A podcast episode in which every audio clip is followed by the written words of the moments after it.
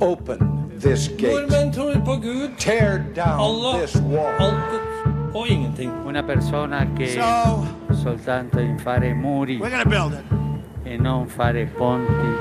Neste stasjon er Drammen. Hei, og velkommen til Ypsilon-samtaler. En podkast fra Kirkelig dialogsenter i Drammen. Mitt navn er Ivar Flaten, og i denne første episoden snakker jeg med Ingrid Lykke Ellingsen. Ingrid ble født i Göteborg og kom til Norge etter legestudier i Tyskland. I sitt lange yrkesliv har hun vært overlege på Haukeland sykehus i Bergen. Hun har vært statens overlege i psykiatri, og også i mange år fylkespsykiater i Buskerud. Ingrid har også vært engasjert internasjonalt eh, i Europarådets kommitté, komité, eh, hvor en tverrfaglig gruppe har jobba for å kartlegge og motvirke tortur i offentlige institusjoner. I vårt eh, korte liv må vi vise hverandre respekt, omtanke og godhet, sier 86-åringen. Ja, kjære Ingrid Lykke Ellingsen, takk for at jeg fikk komme og snakke litt med deg i dag. Det er en stor glede å ha det her, Ivar. Ja, takk for det. Hvordan startet det? Hva husker du fra din første tid? Det er jo et, eh, mange ganger et privilegium å få lov å tenke tilbake på et langt liv. Og et liv som man i efter, efterkant kan føle har vært egentlig fullt av privilegier. De skjønner man jo ikke medan man lever. Nei. Det er jo stadig nye utfordringer og nye ting å forholde seg til. Og når jeg tenker tilbake på det livet som jeg nå, ved 86 års alder, har levd, så har det jo vært eh, ikke bare roser underveis. Det har jo også vært eh, ganske mange vanskelige ting som det er i alle menneskers liv. Vi vil jo helst at eh, alt skal gå sporenstreks og ikke altfor mange ting opp og ned. Men sånn er jo ikke menneskelivet. Og det Når jeg tenker tilbake på det livet som mine foreldre hadde i eh, Göteborg, så var jo ikke det heller et liv som gikk på skinner hele tiden. Nei. Men jeg er altså født i Göteborg og vokste opp i en liten familie. Jeg hadde ingen søsken, og min far døde da jeg var 13 år. Så livet eh, ble veldig mye min mor og en tvåsamhet som kanskje gjorde at jeg ble litt tidligere voksen. For jeg måtte jo hjelpe til å, å ta et ansvar for det livet vi skulle ha. Da var din mor yrkesaktiv? Min mor var ikke yrkesaktiv. Hun Nei. hadde aldri, aldri Ja, det skal jeg ikke si. Hun hadde nok, før hun gifte seg, arbeidet som hushjelp. Hun kom selv fra en fattig mm, familie og ble tidligere foreldreløs. Og eh, måtte kjempe seg fram her i livet. Men eh, jeg kan aldri huske at jeg kom fra skolen og ikke mamma var der. Kan aldri huske annet enn at det var nybakt brød, og at eh, min mor eh, gjorde alt det som vel hun mente at en husmor skulle gjøre. Og ikke minst å prøve å oppdra meg til å alltid prøve å, å gjøre det, det riktige. Eller det som hun mente var det riktige. Og det er en av de ting som jeg tenker tilbake med, med et stort smil der når min mor sa man måste alltid veta hur man ska uppträda när man blir inviterad på, till slottet. Och så, Og det har du faktisk opplevd også? Det blev ju sedan en Ja, ja. realitet. Men som barn så var ju slottet det var ju det helt uoppnåeliga. Ja, ja. Mm. Med kung och dronning med krona på ord och sånt. Som barn, Ja, som ja. barn tänker. Men du snakker om de verdiene som din mor ønska å, å gi til deg. Eh, Dette er jo også en, en samtale hvor vi snakker om to livssyn. Hva slags forhold hadde du og din mor til kirken, som var den naturlige, eh, den naturlige tilkoblingen, kanskje? Nej, vi hade ju hela tiden ett väldigt eh, närt avstånd till kyrkan. Det var, eh, kyrkan var ett ställe som man gick och eh, var söndag. Och eh, alltid med eh, ordentliga kläder och eh, snacket eh, med viskestämme i kyrkan var stor respekt. Och mm, vi hade också ett närt förhåll till prästerskapet som var eh, farbror Albin och eh, som, som var en del av vårt liv men som satt på en pedestal. Han var opphøyet, han var en Han var- autoritet. Han var absolut en auktoritet och min mor skulle aldrig finna på att opponera mot eh, vad farbror Albin sa. Var det farbror i, i, i, i familiær forstand? Han var Nej då? Nej. icke, men eh, eh, överhetspersoner som man hade ett personligt förhåll till Ja. var farbror och Ja. tant. Ja. Det, det var eh, den eh, omgangsformen man hade. Nettopp. Det, det er jo ikke vanlig å tenke sånn i vår tid. Nej Jeg har aldri, då. men jeg har merket at, eh, at i, i andre kulturer, f.eks. i en pakistansk kultur og i en muslimsk kultur, må man snakke om onkel.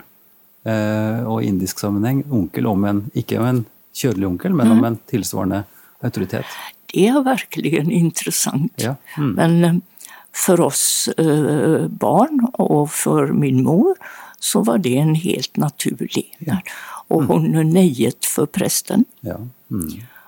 Och eh, hon var med i frivillig arbete och broderte och stricket och sålde på julemässor. Och Ja.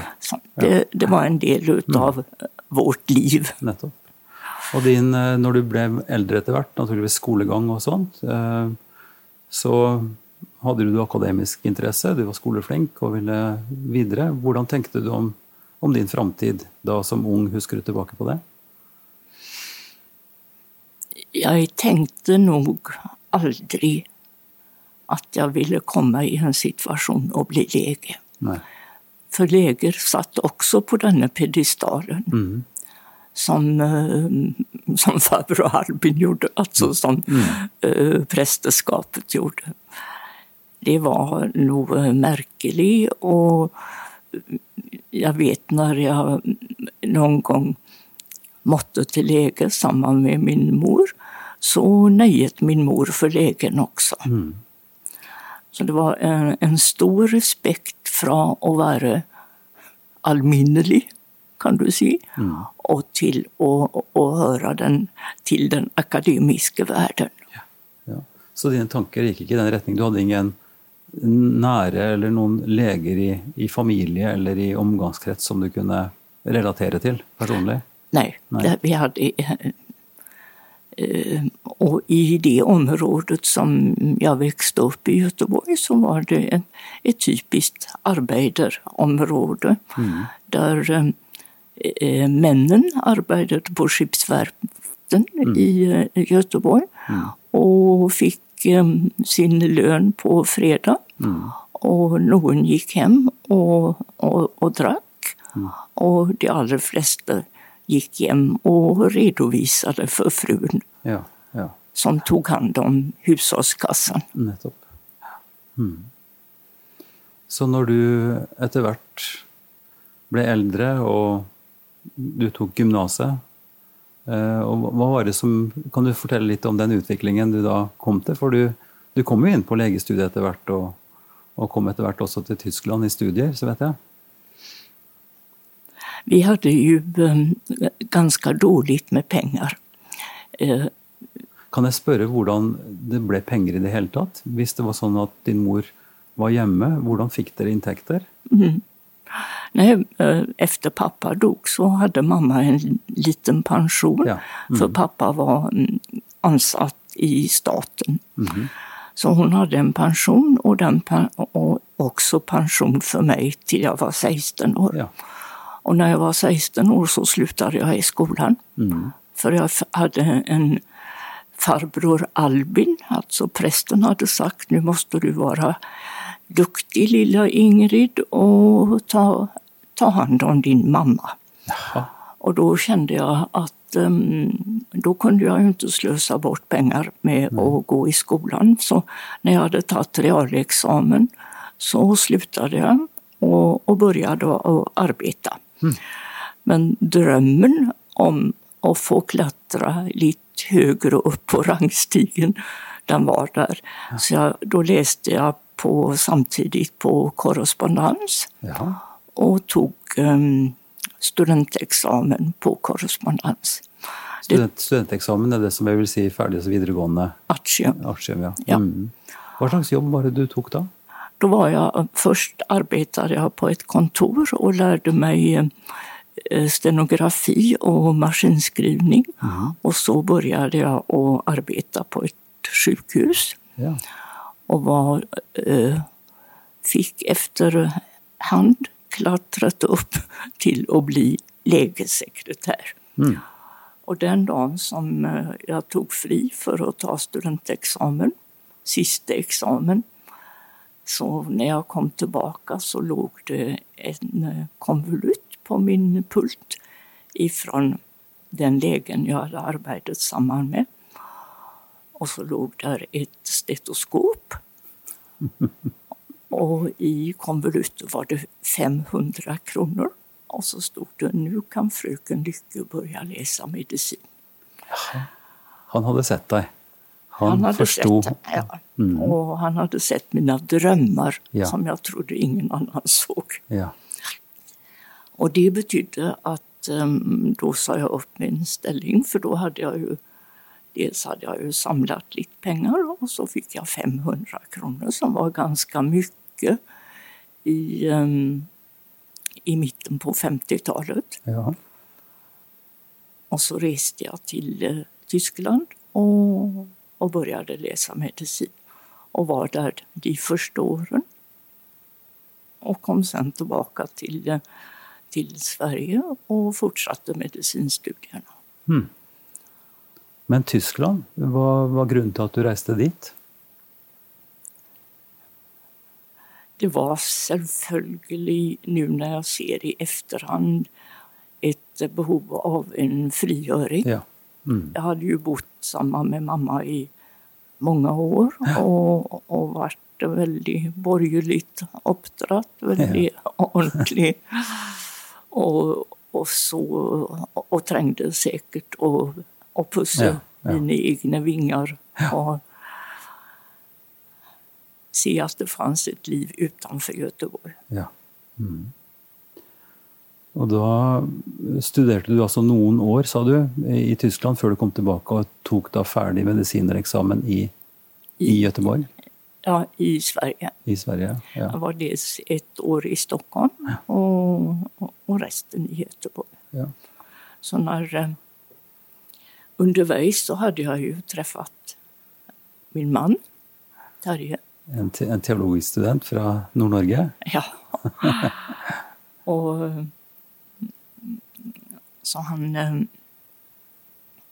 eh, hjälpte mig då också till att söka pengar i den norska lånekassan. Mhm. Så gick det på skinner. Så, så blev jag ju...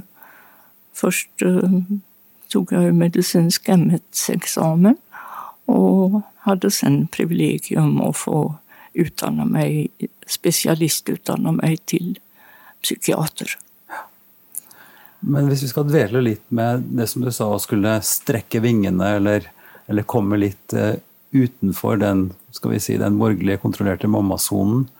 Um, ehm, och du kom till Tyskland. hur var det att komma som svensk Tyskland, eller for å si det litt mer prinsipielt, å komme som utlending inn i et slikt studium? Hvordan opplevde du det? Ja, det var ju skummelt. Det var ju... Dels så var det ju ett främmande språk. Jag hade ju haft det till eh, artium, men första halvåret tror jag nästan inte att jag vågade öppna munnen. Jag var så rädd att göra fel. Ja. Och jag var också väldigt rädd för att göra ting som icke var riktigt i eh, ett um, främmande samfund.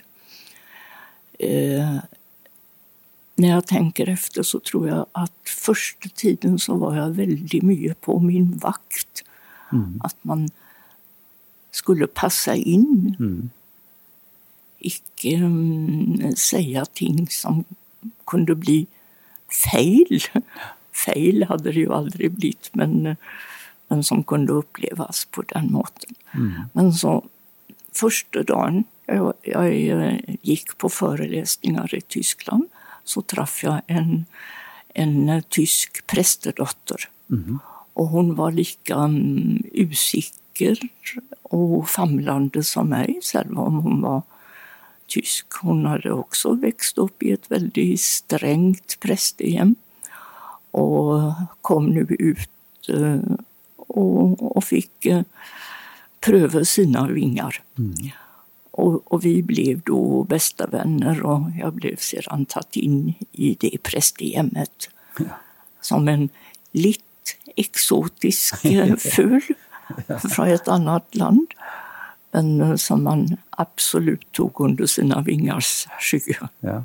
Det er også en, en rørende historie, for det handler jo om å bli tatt inn i en sammenheng, og bli sett og, og, og, få- venner og trygghet.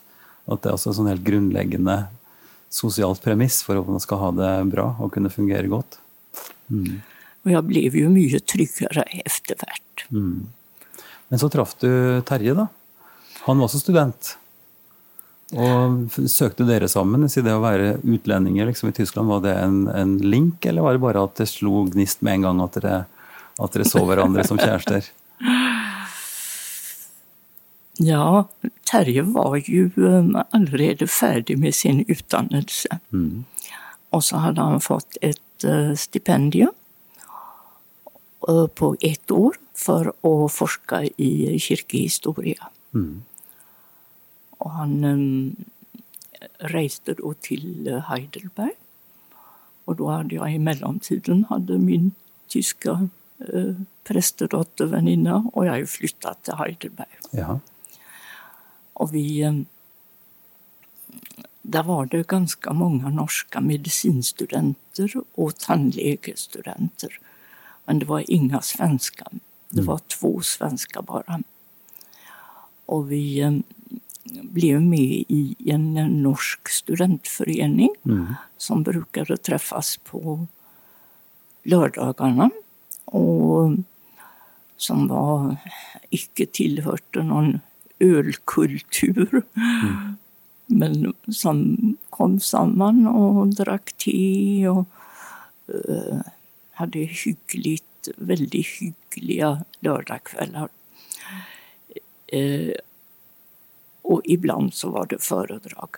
Det var ikke noen spesifikk kristelig forening? Jo, det var kristna. Ja. Det var, all, alla hade kristliga intressen. Ja. Så det passade mig utmärkt. Var det, var det studentprest som drev det, eller hva slags eh, ramme var det rundt dette treffet?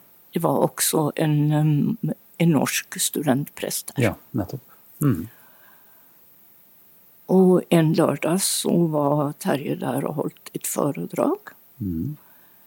Och jag syns icke det var så väldigt inspirerande.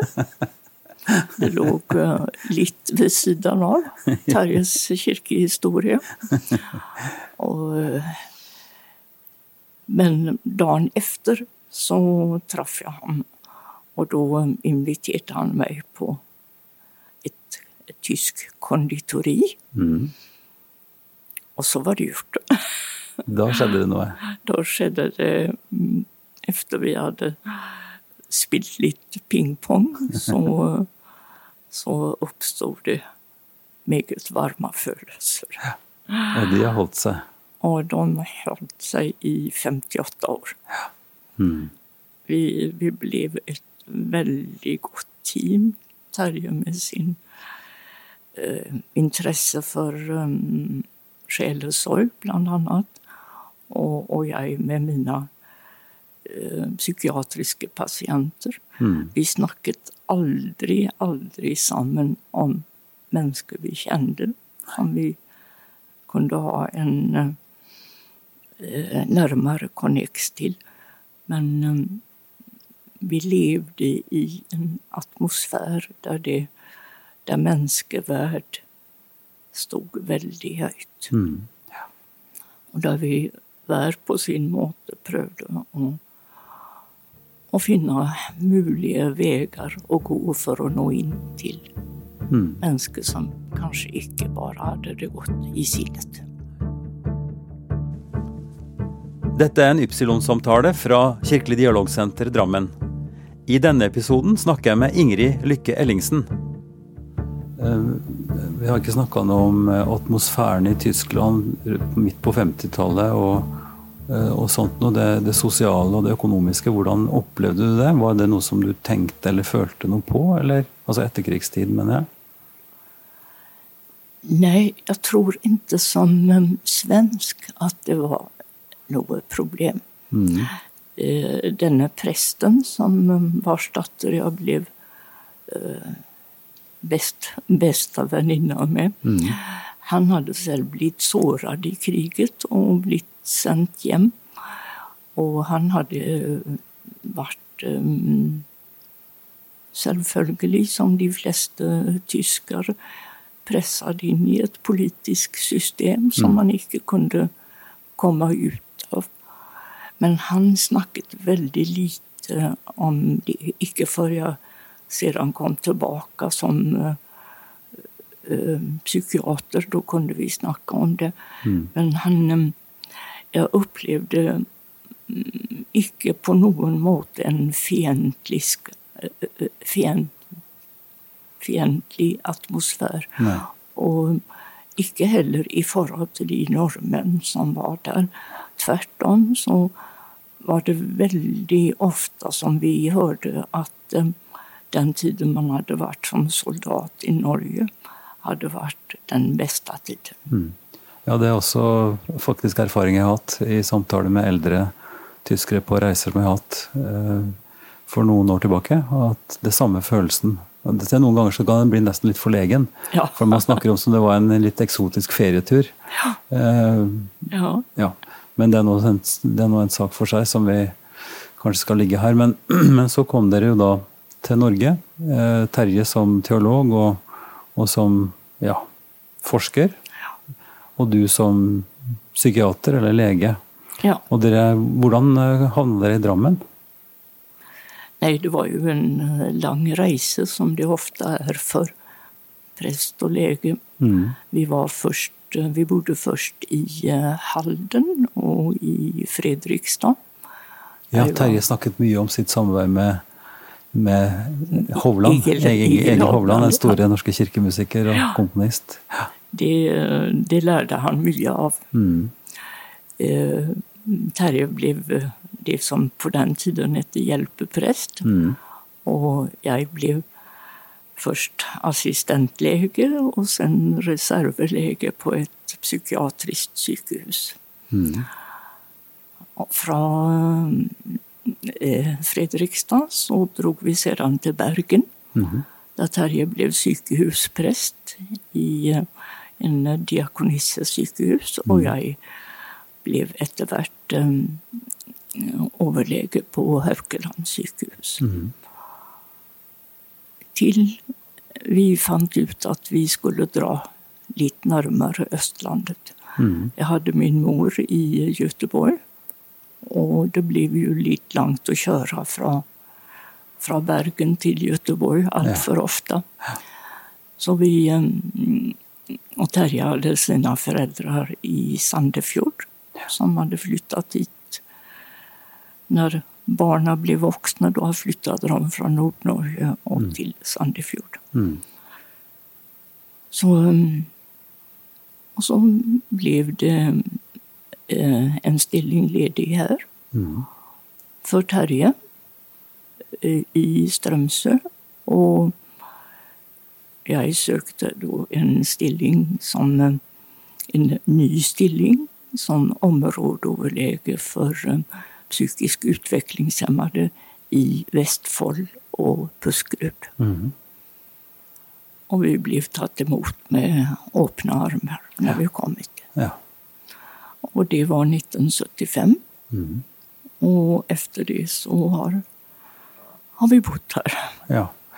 Så eh, jeg er også litt nysgjerrig på hvordan, som jeg innledet med, hvordan du opplevde, og gjerne Terje også Og dere representerer jo da det som du i utgangspunktet snakket om som litt skal vi si, opphøyde, eller folk med prestisjefulle jobber og, og høyt plassert relativt sett i samfunnet.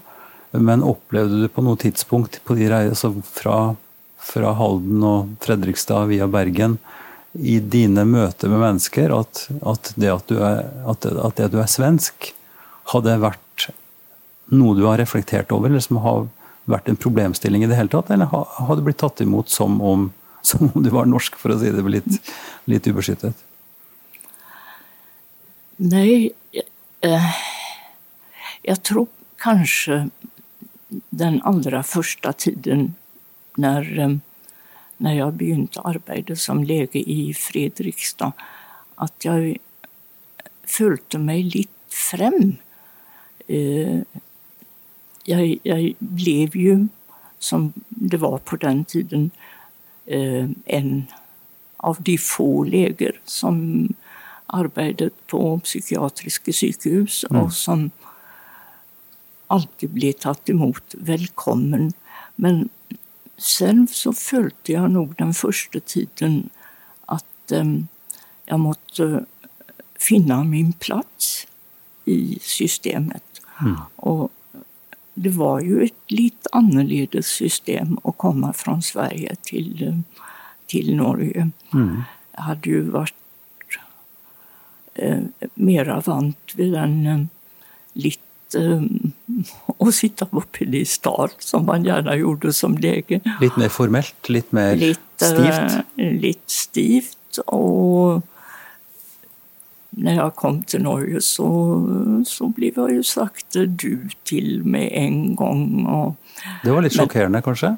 det var annorledes. Ja. Mm. Och, men jag kan aldrig komma ihåg att någon brukade förnamn.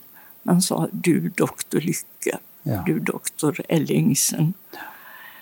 Så det var en, en slags avstånd på psykiatriska sjukhus på den tiden. Och jag, eh, men samtidigt så den trygga förankringen, om man kan säga det så, var ju i förhållande till patienter. Det var det som jag eh, icke kunde, men var på väg till att lära mig. Och, och det ger ju alltid en, en trygghet, trygghet i ett samfund att ha ett städ och arbete och känna att eh, här gör man det som är tillnärmelsevis riktigt. Mm. Språket var aldrig något problem för mig. Nei. Men jag kan gott förstå folk som kommer och möter ett helt främmande språk och eh, må på många måter famla sig fram innan man finner den riktiga vokabulären. För det, hade jag känt lite på i Tyskland, att det, det tar sin tid. Mm. Det er klart, tysk og svensk er jo lenger, altså det er lengre avstand, både i vokabular og i, i språktone naturligvis, enn norsk og svensk. Men det er jo påfallende, Ingrid, når, når vi nå sitter og snakker sammen, så er jo du distinkt svensk i ditt språk. Du har noen norske ord, naturligvis, men, men at du har beholdt din svenske tone og ditt svenske språk, eh, er jo også interessant hvis man tenker på det, det utrolige kjøret som, eh, for å si det litt eh, spisst igjen, mange innvandrere opplever, på at det norske er liksom et sånn absolutt krav. Eh, og du har aldri følt behov for å liksom skulle intonere norsk og skulle slå helt om til et norsk språk. Du har holdt din svensk, og det har vært fint, sier du. Det har vært greit. Det har vært eh, for meg eh, helt greit. Og tvert om så har det har jeg ofte fått en bemerkning at det er så sjarmerende å høre svensk. Det er så sjarmerende å høre svenske sanger. Eller visor. Vi elsker jo svenske viser. Altså, Ja. Vi synger jo de med stor, stor glede, så klart. Ja. Ja. Så jeg- på den måten så var det nog väldigt enkelt för mig. Däremot så fant jag ju sedan när jag kom i internationellt arbete att eh, där var det ju icke enkelt att möta språk som man icke förstod ett enda ord av. Och, och alltid måste arbeta med tolk. Det, det var en, en stor barriär. Så det kan jag gott förstå för den som kommer till, eh, till Norge eller till Sverige och ska eh, finna sin plats i ett annat samfund där man inte kan förstå eh, orden rent ortografiskt. Och där man eh, må pressas till att förstå för att kunna finna sin plats i ett arbetsliv. Hvis vi et øyeblikk skal tenke på din relasjon til kirken. eh, Du hadde et nært forhold og gikk eh, hver søndag til kirke i, i Göteborg. Og hadde også tilknytning til et kristelig miljø i Tyskland, sier du. Hvordan var det å komme eh, i, i norske menigheter? For Terje var jo da presten. Hadde du opplevd prestefrueproblematikken på noen måte? Altså, kom du også greit inn i disse menighetsfellesskapene som, som Ingrid fra Sverige, eller som Ingrid, kona til Terje? I början så kände jag att jag inte hade några egna vänner. Då var mina vänner i arbetssammanhang. Ja. Och det, det vet jag att jag sa ibland till Terje att, eh, att jag, jag har inga egna vänner här. Men eh, helt ifrån begynnelsen så deklarerte jag att jag ville icke kunna vara en traditionell prästefru. För jag hade mitt eget arbete och det var så krävande och mina patienter var hade krav på mig och min arbetssituation. Jag har ju mycket vakter på sjukhus. Och, eh, men jag försökte att vara med där det var möjligt. Men det blev lite av missionsföreningar och julemässor. Och tvärtom så kände jag ibland att eh, eh, menigheten följde på att de måste ta hand om mig för jag var en ganska uduglig, nej inte uduglig men speciell prästefru. Det var inte så vanligt att prästen, prästefrun var i fullt arbete Nej. på den tiden. Nei, det, det jag eh, eh, Eh, kommer väldigt väl ihåg ett, eh, ett möte för prästefruar som jag eh, var på och där en av de eh, som kunde se ifrån sa att det viktigaste arbetet för en prästefru det är att läsa mannens präken och korrigera den. Och det tror jag aldrig, aldrig att jag har gjort. Nei. Då har jag varit en vanlig menighetsmedlem. Ja. Mm. Eh, Kan vi snakke litt om det engasjementet som du Altså, du, du kom inn som leder for, for eh, altså i Buskerud og Vestfold for eh, psykisk utviklingshemmede. Men du fikk også etter hvert jobb som fylkespsykiater. Eh, Hva var overgangen mellom de to, og hva var på en måte ditt ansvarsområde da, når du fikk den stillingen? Ja, det var ju någon år som låg däremellan. Ja.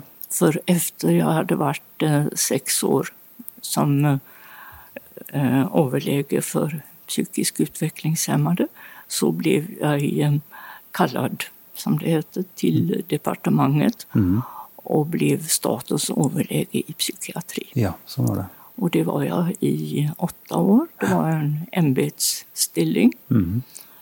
Och, eh, som också förde med sig att jag fick engagemang i eh, Världens hälsoorganisation och att jag också fick eh, engagemang i Afrika till att laga en psykiatriplan för ett av landen.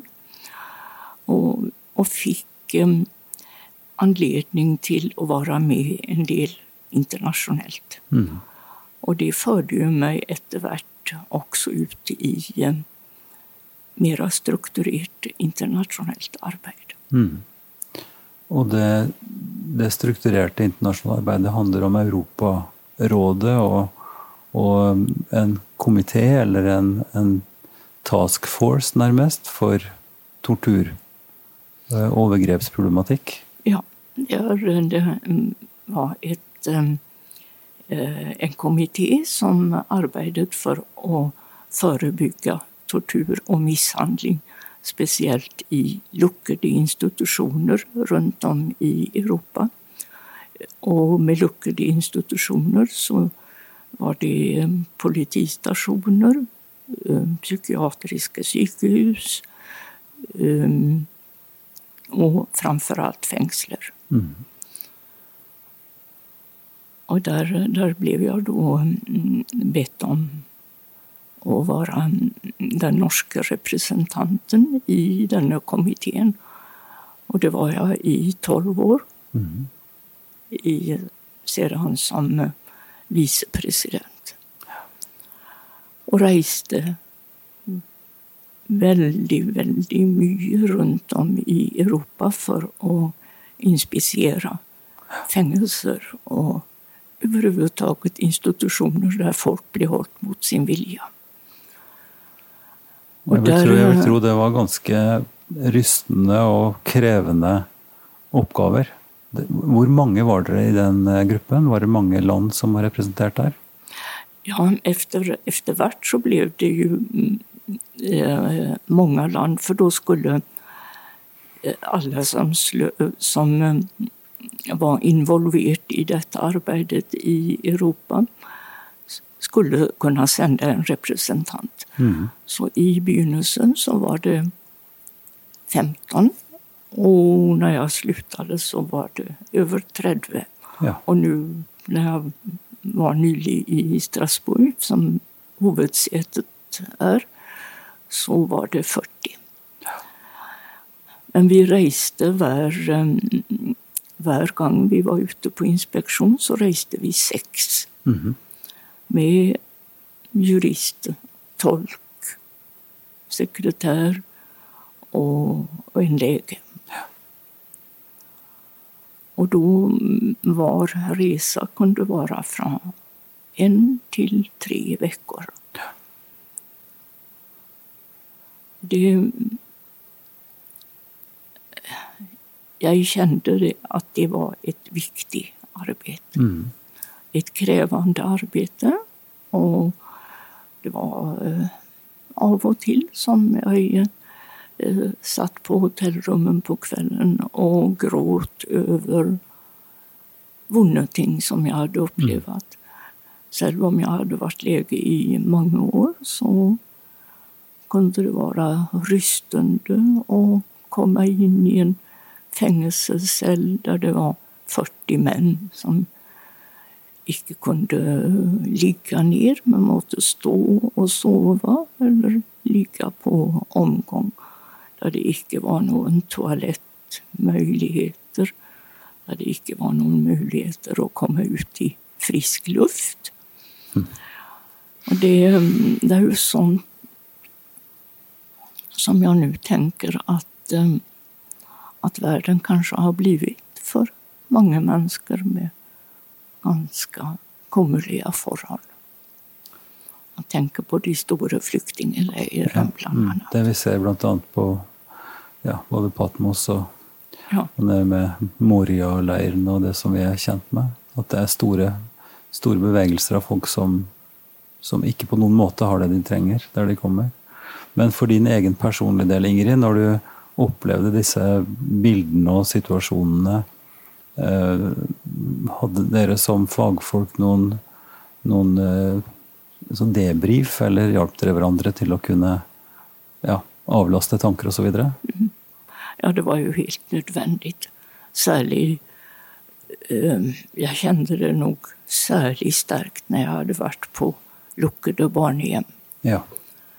Där det, har- där det var många barn som eh, måtte ligga till sängs därför att det inte var någon möjlighet att ta dem upp. Där det inte fanns blöjor, där det inte var tid för någon kärlighet. Och eh, icke, jag vill inte säga att jag någon gång upplevde att barn blev misshandlat. Men man kan ju bli misshandlad med att man icke mottar kärlek och, Mm, ja. och redevarme. Ja. Och det, det, det var nog den biten som jag kanske kände att här var, här var det viktigt att få lov att, att ta ut sina egna födelser och få lov att gråta och känna att livet icke är enkelt för alla människor. Dette er en Ypsilon-samtale fra Kirkelig dialogsenter Drammen.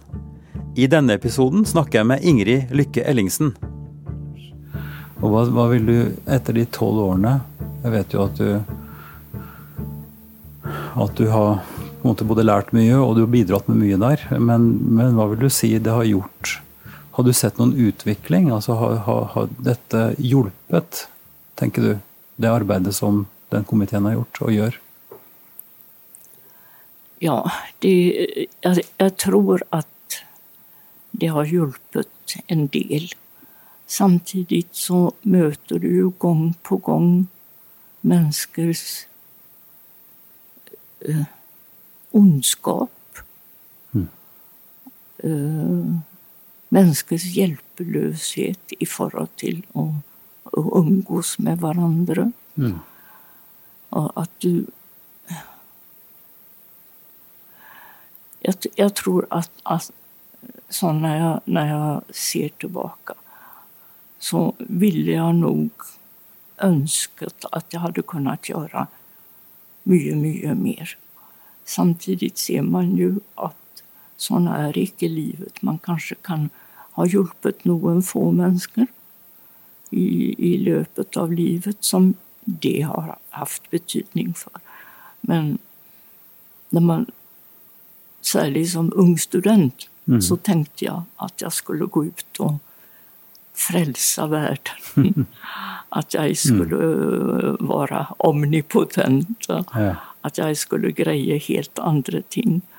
Och när jag ser tillbaka på 80, 70, 70, 80 år så ser jag ju att eh,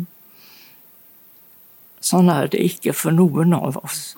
Men att vi kanske i vårt samvär med enkelte eller med grupper kan bidra till att livet blir något lättare att leva. Både för andra och, och för en själv.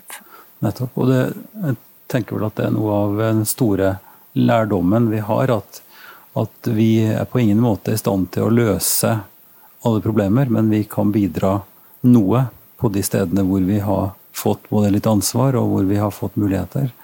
Og det tror jeg nok det er rett å si at du har gjort på veldig mange felt. Du har også blitt inspirert eller, eller tatt ansvar også i forlengelsen av dette arbeidet. Jeg vet med det barnehjemmet som du har jobbet mye med. Vil du si noe om, om impulsen til det, og hvordan det, hvordan det er nå? Efter att ha, ha sett många barnhem så um, följde jag att, att jag kanske kunde pröva att bidra nog. Jag var så um, heldig och fick eh, en pris med eh, en del pengar. Och då tänkte jag att kanske detta är en liten pekepinn på att bruka de pengarna till att och göra det bättre Ja. för någon. Vill du si hva slags pris det var? Ja, det var något som hette Karl Evangs pris Ja. som man fick för att man hade gjort en förtjänstfull insats. Mm. Och jag fick då 35 000. Mm. Och de pengarna bestämde jag mig för att jag skulle bruka på ett, ett av dessa barnhem. Mm. Ja. För jag visste att jag, skulle jag göra något så kunde jag inte bruka Nej. det på Nej. smörja det tynt ut. Nej. Och, och då fick jag bli med i eh, ett projekt som en bul bulgarsk grupp, kvinnogrupp hade. Där man eh, hade bestämt sig för att, att stötta en del äldre kvinnor som kunde komma och vara på barnhem för att ge barnen det som jag kallar för redevarme, extra omsorg och kärlek vid sidan av den vanliga personalen. Ja. Mm. Och efterhvert så, så blev jag med i, i den gruppen och begynte att stötta dessa damerna som vi kallade för BABA, Ja. ja. bästemödrar. Ja. och började resa till ett barnhem. Mm. Och det var på en måte så var det tillfredsställande, på en annan måte så var det smärtefullt för det var bara ett ställe som jag kunde vara. Och dit reste jag i eh, tio år och fick efterhvert Rotary i Drammen med på att stötta det barnhemmet. Och det blev sedan byggt om ifrån ett barnhem med hundra sängeliggande barn och med stor kraft och entusiasm från personalen där nere och från Babar så blev det gjort om till ett eh, dagcenter där barnen kunde bo hemma och kunde bli hämtat till Ja. barnhemmet. Och som fungerade Mm. eh, nu och har blivit ett mönsterhem med mycket, mycket glädje och, och mycket entusiasm. Så det... När jag ska se tillbaka, och det, det gör man när man blir gammal, inte sant? Så, så tänker jag det var en av de ting som jag följer att jag fick bidra Mm. till Ja. att göra något bättre. Det blir, veldig, det blir jo veldig nært, og det blir veldig sånn Du, du ser at det virker for enkeltpersoner. Det blir väldigt nära. Men jeg har lyst til å så nevne én ting også som jeg la merke til. Etter at vi ble kjent, så, så fikk jo du et, et spesielt oppdrag i forbindelse med en ulykksalig sak. Fritz Moen-saken. Eh, så du har, du har jo både fått ansvar, men også en Du har tatt oppgaver hvor, hvor det, ting har stått på spill. Altså hvor, hvor skal vi si, de små eh, har blitt utsatt for ting som de ikke burde bli utsatt for. Vil du, vil du si noe ganske kort om Fritz Moen-saken, og hvordan det var for deg? Den första saken som jag egentligen blev bett av staten att vara med och, och se på, det var en som hette Ernst Liland-saken. Ja, som var i Fredrikstad. Det där det var en som hade blivit, blivit em, dömd för ett dubbelmord. Och som sedan blev frikänd. Mm. Så kom eh, Fritz Moen-saken och så har det varit någon fler eh, saker som jag har fått lov att, att bidra med min, med min kunskap. Och det, det har ju varit väldigt viktigt att man kan få lov att bruka den eh, formella delen utav kunskaper till att, att kunna hjälpa de som har kommit i en en olycksalig eh, situation där man har blivit dömd för ting som icke har varit reella. Mm. Och Fritz Moen var ju en sådan ting där han hade suttit 18 år. Mm. Och, och där det efterpå eh, gjorde att han, att han fick ett mycket bättre omtal än vad han hade haft under livet. Ja.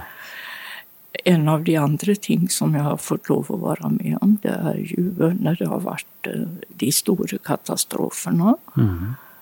Men också de små katastroferna. Här i Drammen hade man ju en stor katastrof eh, med barn, någon barn som brann inne. Mm. Och det är jag väldigt tacknämlig att jag kunde vara med och hjälpa de föräldrarna Ja. en, ett stycke på väg. Selv om man selvfølgelig aldrig kan ta smärtan ifrån Nej. någon. Nei.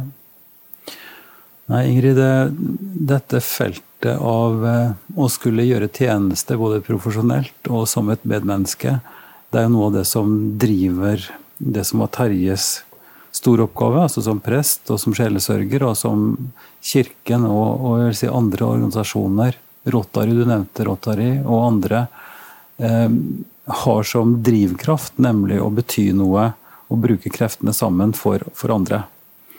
Og perspektivet i mitt arbeid, som du vet, som dialogprest, eh, handler jo mye om å, å prøve å hjelpe meg sjøl og andre til å forstå hvordan vi kan tenke konstruktivt og også kanskje radikalt, eller i hvert fall modig, rundt det å kunne støtte hverandre sjøl om en ikke tenker likt og, og på en måte har ulike perspektiver. Så jeg kunne godt, när når vi nå går mot slutten av samtalen, tenke meg å spørre om hvordan du opplever skal vi si, både retorikknivå og, og samtaletemperaturen når vi snakker om både flyktninger og innvandrere. For dette er jo noe som, eh, som plager mange av oss, og som vi ikke vet helt hvordan vi skal ta. fordi det virker som det er veldig mye frykt, og det, og det er mye som gjør at folk eh, vil snu ryggen til, eller syns det er vanskelig, eller er redde. Hva tenker du om det, Ingrid? Jag tror det är, som du säger, det är mycket frykt. Frykt för det okända. Och där, för mig har det ju blivit en trygghet kanske att få möta det ukända i, eh, i mitt internationella arbete. Mm. så tänker jag kanske mest av allt att det är en kort tid vi är här samman. Och vi har inte råd att vara fiender. Vi må de åren, de korta åren som vi har. Och det så korta år när, när jag har levt i 86 år. Men eh, den korta tiden Mm. som vi lever sammen, så har vi ikke råd til å sløse bort den med å ikke vise hverandre respekt og omtanke. Og jeg ville kanskje bruke et ord som godhet. Mm. Och försöka förstå varandra, förstå varandras hjälplöshet många gånger. Och eh, en gensidig flykt och se på livet som ganska utfordrande. Mm. Och hvis vi också i det och, och se på livet utfordrande ska se på livet med frykt på varandra, Mm. så mister man så mycket. Medan den gjensidige forståelsen, eller ønsket å forstå hverandre, kan berike livet. Mm. For Både de som kommer och flyttar hit till vårt land och för oss som bor här. Och man må lägga bort någon utav sina, sina jag vet inte vad jag ska kalla det, sin eh, formella måte och tro att det är bara vi som kan och vet bäst hur människor ska leva för att livet ska bli gott. För det gör vi ju inte. Nej. Det är ju i ett samspel med andra som livet kan bli fruktbart. Med din erfaring och din både faglige kunnskap och din livserfaring, och jag vill också si din kristne tro, eh, vad tänker du om de trosmässiga forskjellene? Eh, altså samvær, godhet, hjelpsomhet, eh, tillit til folk som, som tror helt annerledes. Og nå snakker jeg til deg som kirkeperson, og til de som lytter, også som, som, er, som går i menigheter. For det fins en, er min erfaring, en ganske stor uro, og også frykt for at dette er en, en farlig retning å gå. For meg som prest, og for oss som kristne, å skulle tilrettelegge for mennesker som, som vi egentlig skulle omvende, om du forstår hva jeg mener. Ja. ja. Jag har inte tänkt den tanken, på det, mm, sån som du mm, presenterar det nu.